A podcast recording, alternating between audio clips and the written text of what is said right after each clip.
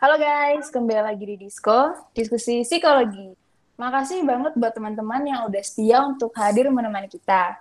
Nah, sebelumnya, kenalin nama aku Iren. Sesuai dengan jurulan teman-teman udah baca, pada episode kali ini, kita akan membahas sesuatu yang berasal dari dalam diri kita, yang mungkin dapat mempengaruhi lingkungan sekitar. Nah, biasa disebut dengan inner peace nih, teman-teman. Jadi, untuk membahas tentang topik ini, aku datengin langsung nih teman-teman narasumber khusus yang tentunya ahli di bidangnya. Halo Bu Monik. Halo, selamat siang. Gimana Bu kabarnya? Kabar baik, aman, sehat. Nah, mungkin bisa perkenalan sedikit gitu Bu. Perkenalan ini uh, pendengarnya dari mana aja nih? Uh, dari lingkup dari universitas sendiri sama dari umum Bu. Oh, banyak ya. Saya pikir hanya di Unika. Jadi nama saya, nama panjang saya Monika Windria Satyajati, tapi cukup dipanggil dengan Monik. Saya adalah salah satu dosen di Fakultas Psikologi Unika Sudio Pranoto, Semarang. Uh, lalu uh, keahlian saya adalah di bidang psikologi klinis dan psikologi kesehatan. Gitu. Nah, di sini kita ngobrol nanti aja ya, Bu. Hmm.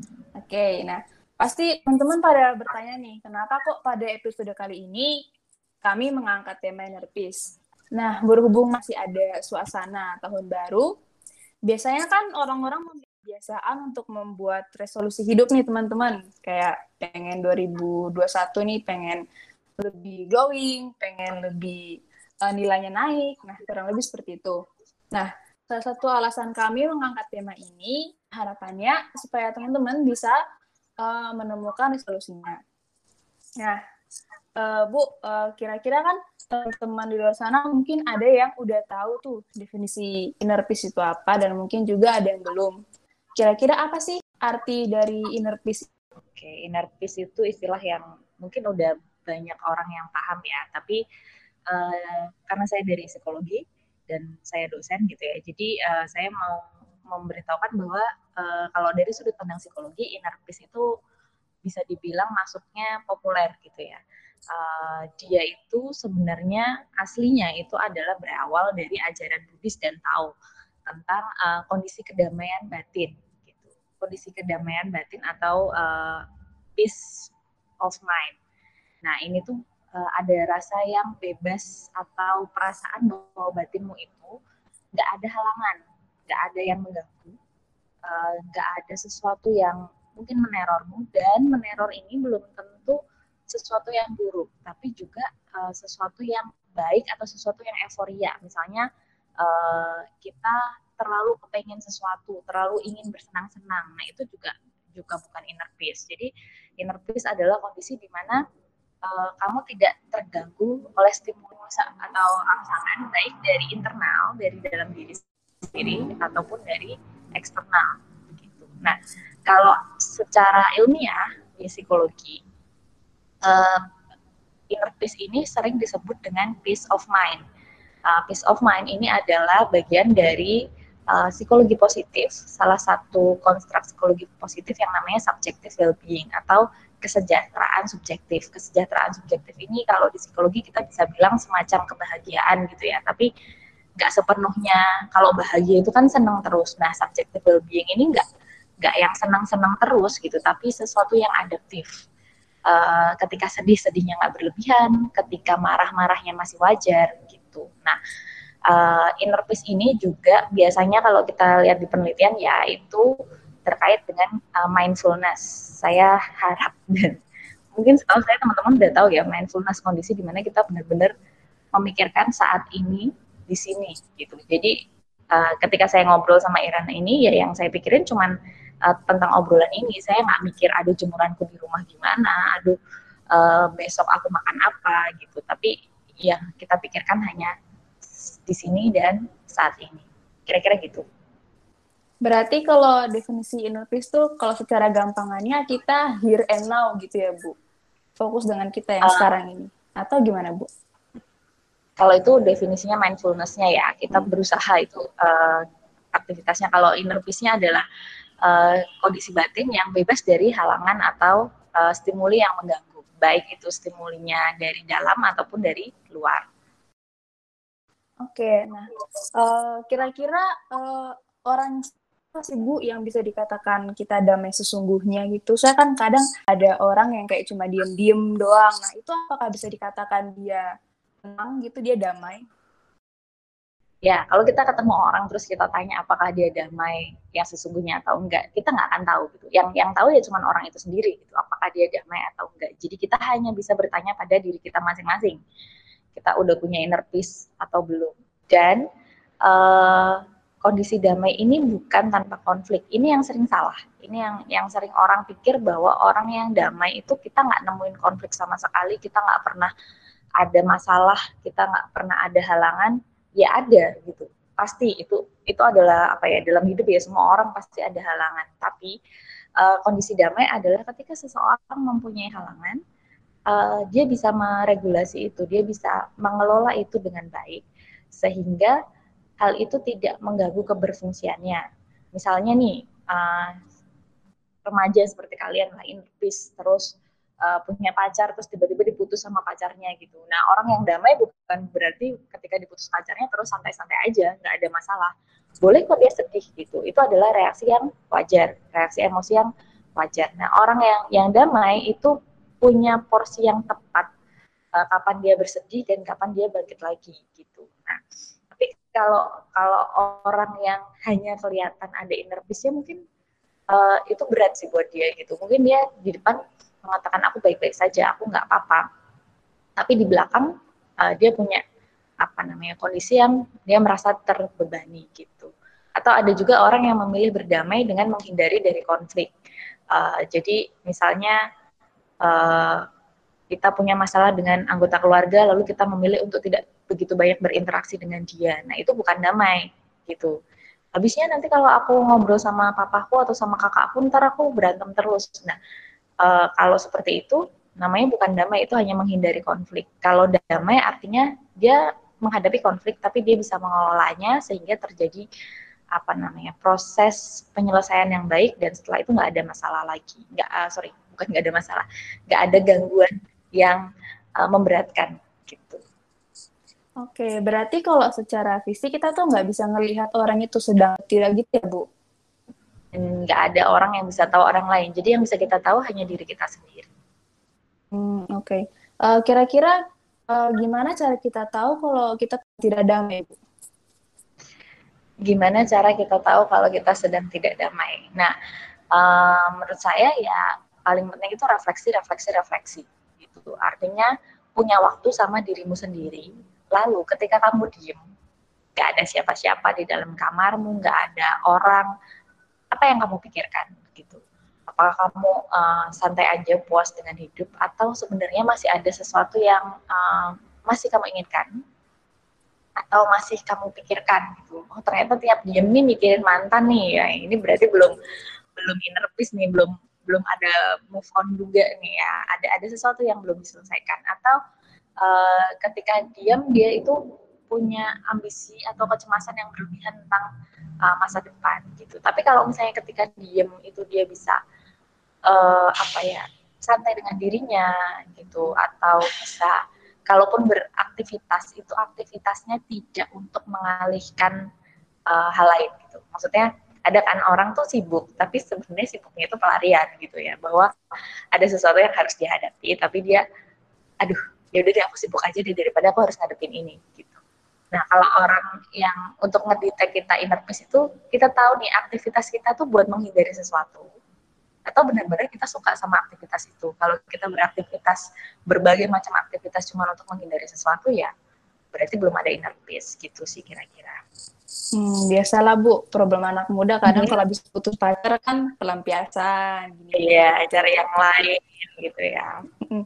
Berarti kalau misalnya ada ibu, uh, pasti kan ada sesuatu dalam diri kita gitu terkait penerimaan diri. Kalau misalnya kita lagi ada masalah gitu, ada nggak sih Bu kaitan antara penerimaan diri dengan inner peace itu sendiri Bu?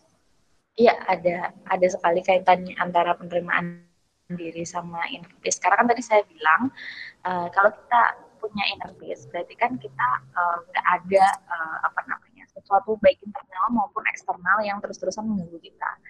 Nah penerimaan diri atau self acceptance itu kan uh, sesuatu yang ada di dalam diri kita. Nah, itu ada ada stimuli yang akan mengganggu kita di situ. Uh, artinya misalnya kalau orang penerimaan dirinya jelek, misalnya dia belajar untuk suatu ujian, terus nilainya bagus gitu ya. Uh, tapi nilainya nggak sempurna, misalnya dapat 80 lah, udah bagus, tapi nggak 100 gitu. Nah, uh, dia akan terganggu dengan itu, dia nggak akan berdamai gitu, karena dia nggak terima, kenapa? Nilaiku cuma 80 bukan 100 gitu, karena artinya inner peace akan akan susah untuk didapatkan semakin kita tidak menerima diri sendiri. Itu baru masalah nilai. Uh, belum lagi kalau itu masalahnya soal uh, apa ya maksudnya identitas diri atau uh, apa namanya value-value tentang mungkin agama atau politik yang itu lebih besar gitu ya. Mungkin itu akan lebih mengganggu kita nah terus kalau secara ilmiah sebenarnya uh, apa namanya inner peace eh sorry self acceptance atau penerimaan diri itu uh, itu akan membantu or, uh, akan membantu proses mindfulness untuk bisa meningkatkan inner peace gitu. Kalau teman-teman tahu kan sekarang banyak latihan mindfulness nih, latihan untuk yuk kita meditasi yuk. Nah itu bisa bisa nggak sih kita latihan meditasi untuk meningkatkan inner peace. Nah kalau kamu latihan meditasi tapi kamu nggak punya uh, self acceptance, kamu nggak punya penerimaan diri, maka inner peace-nya nggak akan terbentuk. Jadi itu kenapa ada orang yang meditasi dia bisa, ada orang yang meditasi dia nggak ada hasilnya sama sekali gitu loh. Tetap aja dia kayak gitu gitu. Nah mungkin itu karena uh, dalam proses meditasi tidak melibatkan adanya penerimaan diri gitu. Jadinya uh, meditasinya mental nih. Jadinya nggak nggak tercapai inner peace yang dia bayangkan bisa didapat dengan uh, apa namanya melakukan mindfulness begitu oke okay. terus uh, uh, kita kan pernah dengar istilah tuh bu kalau uh, penyesalan itu selalu datang terakhir. Gitu. Hmm. Nah, kira-kira orang yang uh, suka menyesal atau ada penyesalan dalam dirinya sendiri itu termasuk orang yang nggak bisa berat sih bu? Atau gimana? Atau dia gagal move on atau gimana? ya, uh, ya penyesalan itu emang datangnya di akhir ya, nggak mungkin di depan ya. Uh, orang yang menyesal ya sebenarnya semua orang pernah menyesal gitu kan. Tapi uh, seberapa lama dan seberapa itu mengganggu gitu. Dan biasanya sih kemungkinannya cuma dua kenapa kita menyesal. Yang pertama adalah uh, di masa lalu kita memang tidak mengusahakan yang terbaik gitu.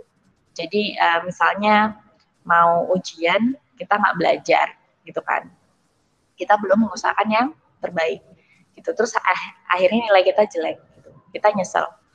Nah itu satu. Atau faktor lain adalah kita sudah mengusahakan yang terbaik tapi uh, ada kondisi lain yang uh, mengganggu gitu. Misalnya kamu udah belajar buat ujian terus dosennya saya gitu ya ngasih soalnya iseng agak kesusahan gitu. Itu kan di luar sesuatu yang di luar uh, hal yang bisa kamu tangani gitu.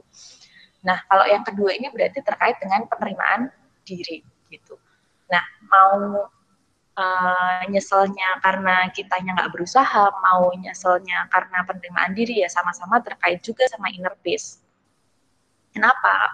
Uh, orang yang uh, apa namanya inner peace-nya buruk, uh, sering terganggu dengan berbagai hal. Biasanya performanya pun juga sering kali tidak yang terbaik. Jadi motifnya untuk melakukan sesuatu tuh uh, jadi apa ya nggak uh, nggak jelas gitu loh dia ketika melakukan sesuatu gitu. Apakah dia ingin melakukan misalnya tadi ujian ya? Apakah dia ujian itu memang uh, benar-benar karena ingin belajar atau cuman pengen aku nggak mau kalah nih sama sainganku gitu. Nah kalau ada orang yang inner buruk tuh kan punya ambisi-ambisi yang menurut saya agak nggak penting dan nggak efektif gitu loh. Jadi uh, tidak sesuai dengan apa yang kamu mau gitu. Atau misalnya ada orang pacaran nih, gitu. jangan-jangan kamu beneran suka nggak nih sama pasanganmu? Jangan-jangan cuma buat gengsi, misalnya kayak gitu. Atau jangan-jangan karena uh, kemarin habis diputusin orang yang kayak gini gitu ya, misalnya aku mau membuktikan aku punya pacar yang lebih lagi gitu. Jadi pacar ini sekedar pembuktian. Nah itu kan membuatmu tidak akan melakukan hal-hal yang terbaik dan itu membuatmu menyesal. Ini jadi rantai gitu. Yang akhirnya bikin inner peace-nya uh, bermasalah. Jadi ya kita bisa bilang penyesalan adalah salah satu indikator uh, bahwa kita itu memang tidak berdamai dengan diri kita sendiri. Hmm, Oke okay, Bu, ya cukup gampang-gampang susah ya memahami inner peace itu sebenarnya. Uh, gini Bu, uh, sekarang kan lagi marak-maraknya COVID nih yang pasti menimbulkan uh, apa, apalagi ada berita simpang siur yang katanya gini-gini uh, gitu. Nah, di tengah situasi pandemi kayak gini itu pasti kan menimbulkan ketidakpastian kan Bu? Entah itu dari berita atau apa pun. Nah gimana sih caranya agar kita tuh bisa menemukan ketenangan atau kedamaian di tengah-tengah situasi kayak gini Bu? Oke, di tengah situasi pandemi ya, uh, memang ini situasi yang luar biasa, bukan situasi yang biasa, yang dialami orang sedunia, gitu kan. Jadi bisa dibilang uh, hal yang pertama perlu kita lakukan adalah menerima bahwa kondisi ini memang tidak biasa lagi. Siapa sih yang nggak kangen uh, bisa keluar bebas gitu ya? Maksudnya uh, even orang yang introvert pun menurut saya juga akan bosen kalau ini udah sampai setahun kita cuman di rumah aja nonton seri aja gitu kan pasti lama-lama juga akan akan bosan gitu ya. Uh, jadi mau nggak mau tapi kita tetap perlu berusaha untuk menerima bahwa memang kondisi ini tidak normal dan uh, bahwa akan ada up and down-nya. Saya pikir saya nggak tahu sih, saya pribadi merasakan up and down juga selama pandemi. Kayak, ya aku bisa kok, enak kok nggak ke mana-mana, tapi nanti terus ah bosan sekali gitu. Itu adalah uh, suatu siklus yang ada dan kita harus terima bahwa kita akan mengalami siklus itu. Kita akan uh, bosan mungkin, kita akan kangen mungkin dengan keluarga atau kangen dengan teman atau kita akan jenuh gitu. Nah itu suatu konflik yang perlu untuk terus uh, kita pahami, gitu kita terima. Terus um, hal lain adalah menurut saya sih hmm, sama sih seperti kebanyakan orang. Kamu juga perlu tahu karena kan uh, inner peace ini ada stimuli yang eksternal, ada yang internal gitu kan. Artinya uh, kalau internal kita kadang susah untuk apa ya, kan susah nih menggali ke dalam diri sendiri itu jauh lebih susah gitu. Kamu bisa batas yang eksternal loh gitu. Kayak tadi katanya uh, vaksin nih entah gimana gitu ya, beritanya bohong semua katanya gitu. Uh, mungkin kita bisa disiplin dengan diri sendiri. Oke, okay, aku akan lihat berita terkait ini itu berapa lama. Atau kita punya, sorry, uh, punya hal buruk lain di luar itu kita perlu uh, disiplin gitu untuk mengetahui bahwa berapa sih kadarku kuat untuk menonton ini sampai aku tidak terpengaruh gitu. Jadi kalau cuma baca berita yang hoax gitu ya, uh, terus mungkin kita ikut apa yang ngomongin doang misalnya ya, berapa jam sih kamu kuat gitu. Kalau misalnya uh, kamu sampai berjam-jam bisa baca dan itu tidak mempengaruhimu ya nggak masalah. Gitu. Tapi kalau misalnya ternyata baru baca dikit itu mempengaruhi entah itu mempengaruhimu untuk berpikir wah benar juga dia atau bikin marah-marah gitu ah kok ada sih orang uh, kayak gini gitu ya sampai mungkin kita mengucapkan kata kasar itu artinya kita kan udah kepengaruh tuh itu batasnya jadi pahami uh, stimuli eksternal itu seberapa mempengaruhimu dan uh, tahan itu gitu. Tahan berbatasan sama itu. Terus uh, hal lain adalah ya uh, mau nggak mau uh, kita juga kan kita ada di kondisi saya nggak tahu kalian tinggal dengan siapa gitu. Tapi mungkin harus tinggal dengan orang itu terus gitu ya.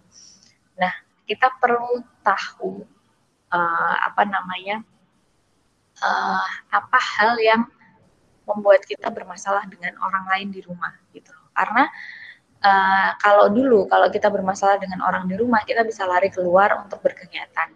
Sekarang lari keluar saya nggak tahu sih di kota kalian ya tapi di kota tempat saya tinggal ini menurut saya sudah bahaya untuk kita jalan-jalan keluar gitu kan. Jadi nggak mungkin gitu kan. Uh, artinya kita perlu tahu kapan sih kalau misalnya aku bisa berantem sama mamaku sama adikku gitu ya apakah tiap tiap uh, beliau nyuruh nyapu misalnya atau tiap aku dikomenin soal bajuku atau tiap apa? Nah itu yang perlu dicatat dan perlu untuk dilatih untuk dibicarakan. Karena mau nggak mau kita akan hidup dengan uh, keluarga kita yang sama keluarga atau mungkin kalau ada yang di asrama itu ya dengan uh, apa namanya uh, teman satu asrama satu kos gitu. Nah itu yang perlu dilihat. Yang yang sedih sih yang tinggal sendirian ya. Maksudnya ada beberapa teman saya orang-orang seumuran saya kan banyak tuh tinggal tinggal sendirian gitu. Itu juga um, sebenarnya jadi punya banyak waktu buat refleksi gitu. Tapi menurut saya dia juga perlu untuk berinteraksi dengan orang lain. Nah uh, menurut saya kita juga bisa membantu inner peace kita juga dengan membantu inner peace orang lain ya. Kalau kalian tahu ada teman yang kayaknya sendirian gitu saya nggak tahu sih kalau mahasiswa kan kebanyakan bisa pulang ke keluarga ya. Tapi kalau untuk uh, generasi saya yang mungkin uh, banyak sekali yang tinggal sendirian, mungkin di kos, di apartemen gitu ya, itu sering-seringlah menyapa teman-teman itu karena pasti bosan juga ya uh, diam terus gitu. Nah itu bantuan kita ke teman uh, teman-teman kita biar mereka punya lawan bicara dan bisa mendiskusikan kalau ada masalah sama dia itu apa yang bisa dilakukan gitu. Nah terus hal lain yang bisa dilakukan, sorry panjang, nah. uh, ya menurut saya tiap orang punya cara yang berbeda gitu untuk untuk berlatih menerima kondisi ini gitu. Tapi uh, lakukanlah terus cara yang terbaik buatmu gitu loh. Jadi kayak uh, untuk beberapa orang kalau kita bermasalah cukup ngobrol aja itu selesai. Tapi mungkin buat orang lain enggak gitu. Tapi yang kita perlu tahu bahwa aku menuju ke sana aku menuju ke arah aku ingin uh, punya inner gitu kan. Ingin punya uh, rasa damai di dalam hati gitu kan. Jadi uh, kalau satu cara tidak berhasil coba cara lain. Nggak apa-apa loh gitu. Uh, ada trial dan error itu nggak apa-apa nggak masalah kok. Nanti kamu akan menemukan caranya. Oke begitu Oke Bu, berarti kalau misalnya kita ingin membantu teman yang mungkin sedang mencari kedamaian dalam dirinya, apakah hanya sebatas uh, bercerita aja Bu, seperti yang tadi Ibu bilang? Um, kalau menurut saya tergantung orangnya ya. Tidak semua orang uh, apa namanya senang bercerita atau bisa cerita secara langsung gitu kan. Jadi menurut saya kita tinggal di uh, zaman yang udah serba maju gitu. Saya punya teman yang introvert, ada banyak sih gitu. Uh, dan kita bisa memanfaatkan teknologi untuk itu gitu. Dia tidak tidak terlalu terbuka, tapi kalau diajak olahraga bareng mau, oke okay, kita kan bisa pakai nih Zoom, uh, Google Meet untuk olahraga bareng gitu. Terus atau nonton sesuatu bareng terus kita omongin gitu karena itu itu bisa loh dilakukan jadi banyak cara atau kalau yang punya uang berlebih kita bisa kirim kiriman uh, sesuatu gitu ya untuk temennya. Tapi kalau yang enggak ya jangan maksa gitu. kalau yang budgetnya terba terbatas ya jangan maksa. Tapi um, ada cara untuk bisa membantu temanmu gitu dengan cara mencoba merangkul merangkul dia, tapi tidak memaksakan untuk bicara. Kita sesuaikan dengan hal apa yang bikin dia nyaman. Gitu. Oke Bu, terakhir nih, eh, kira-kira ada nggak ya tips and trick supaya kita dengan diri sendiri? Mungkin yang sedang lagi galau lagi putus sama pacar atau masalah-masalah lain gitu. Oke tips berdamai dengan diri sendiri adalah um, gini kita selalu berpikir bahwa karena dari kecil kan kebanyakan nonton cerita yang akan happy ending gitu ya uh, kalau kita membayangkan happy ending itu akan jauh sekali di sana gitu loh yang kapan kecap, uh, kesampaian mungkin nggak akan gitu jadi uh, kita perlu uh, tahu bahwa kita selalu berusaha untuk berdamai itu setiap harinya dan uh, kondisi damai itu bukan kondisi statis yang jauh ada di sana gitu. Aku akan damai, aku akan peace, aku mungkin akan move on dari si dia kalau aku mendapatkan uh, A, B, C, D gitu. Atau aku akan move on nih, akan berhasil uh, mencapai apa yang aku inginkan kalau aku udah lulus SPC misalnya gitu ya uh, atau aku udah jadi dokter, aku udah jadi uh, wanita karir, aku udah jadi apa. Nah itu kan kita kasih prasyarat nih buat kedamaian kita sendiri gitu.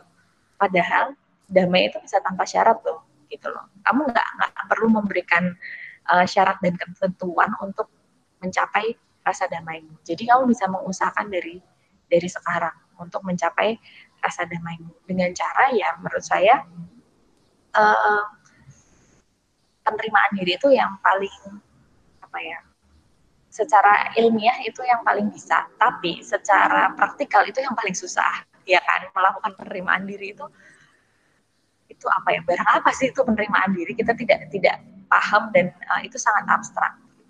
Uh, saya sendiri pribadi jujur saya bilang mungkin saya belum 100% juga menerima diri saya gitu. Pasti ada ada banyak hal yang masih ingin saya kritisi dari diri saya sendiri dan saya rasa banyak dari kita juga masih punya hal itu. Tapi berusaha untuk menerima. Uh, makanya tadi saya sempat bilang refleksi gitu. Jadi uh, ada waktu untuk diam di dirimu sendiri dan mungkin merefleksi kayak selama ini aku ngapain ya? Oh, selama ini tuh aku terlalu pengen kayak gini nih, aku uh, mengkritisi sesuatu atau ada nggak yang kamu sesali?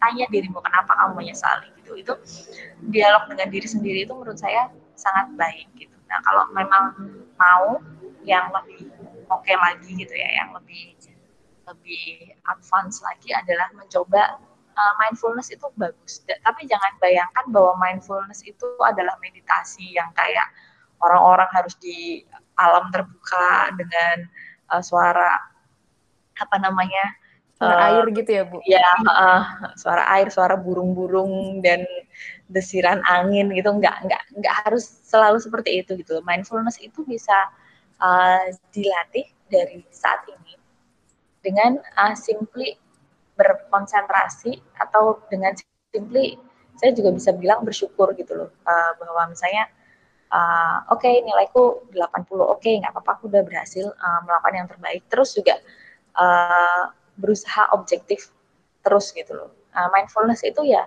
mengerjakan apa yang kamu kerjakan benar-benar uh, fokus ke situ. Jadi ketika kita masak uh, kita tahu kita sedang memasak gitu. Kita tahu kita pegang pisau kita tahu kita motong bawang dan pikiran kita ya di bawangnya itu bukan pikirannya ke mana-mana mikirin si dia gitu kan tapi pikirannya ke situ. Nah kalau misalnya kamu lagi kayak gitu nah, misalnya lagi masak nih atau lagi ngapain ya bersih-bersih rumah gitu tapi pikiranmu ke mana-mana segera setelah sadar ingatkan dirimu oh iya nih pikiranku ke mana-mana gitu. Itu menurut saya metode yang cukup efektif. Uh, asal kita uh, apa namanya rutin gitu ya tiap tiap kali kita pikirannya ke mana-mana kita balik lagi pikiran yang mana-mana balik lagi gitu kan. Uh, waktu awal mungkin kita harus terlalu sering mengingatkan diri kita tapi nanti lama-lama kamu akan jadi terbiasa dan jadi lebih mindful.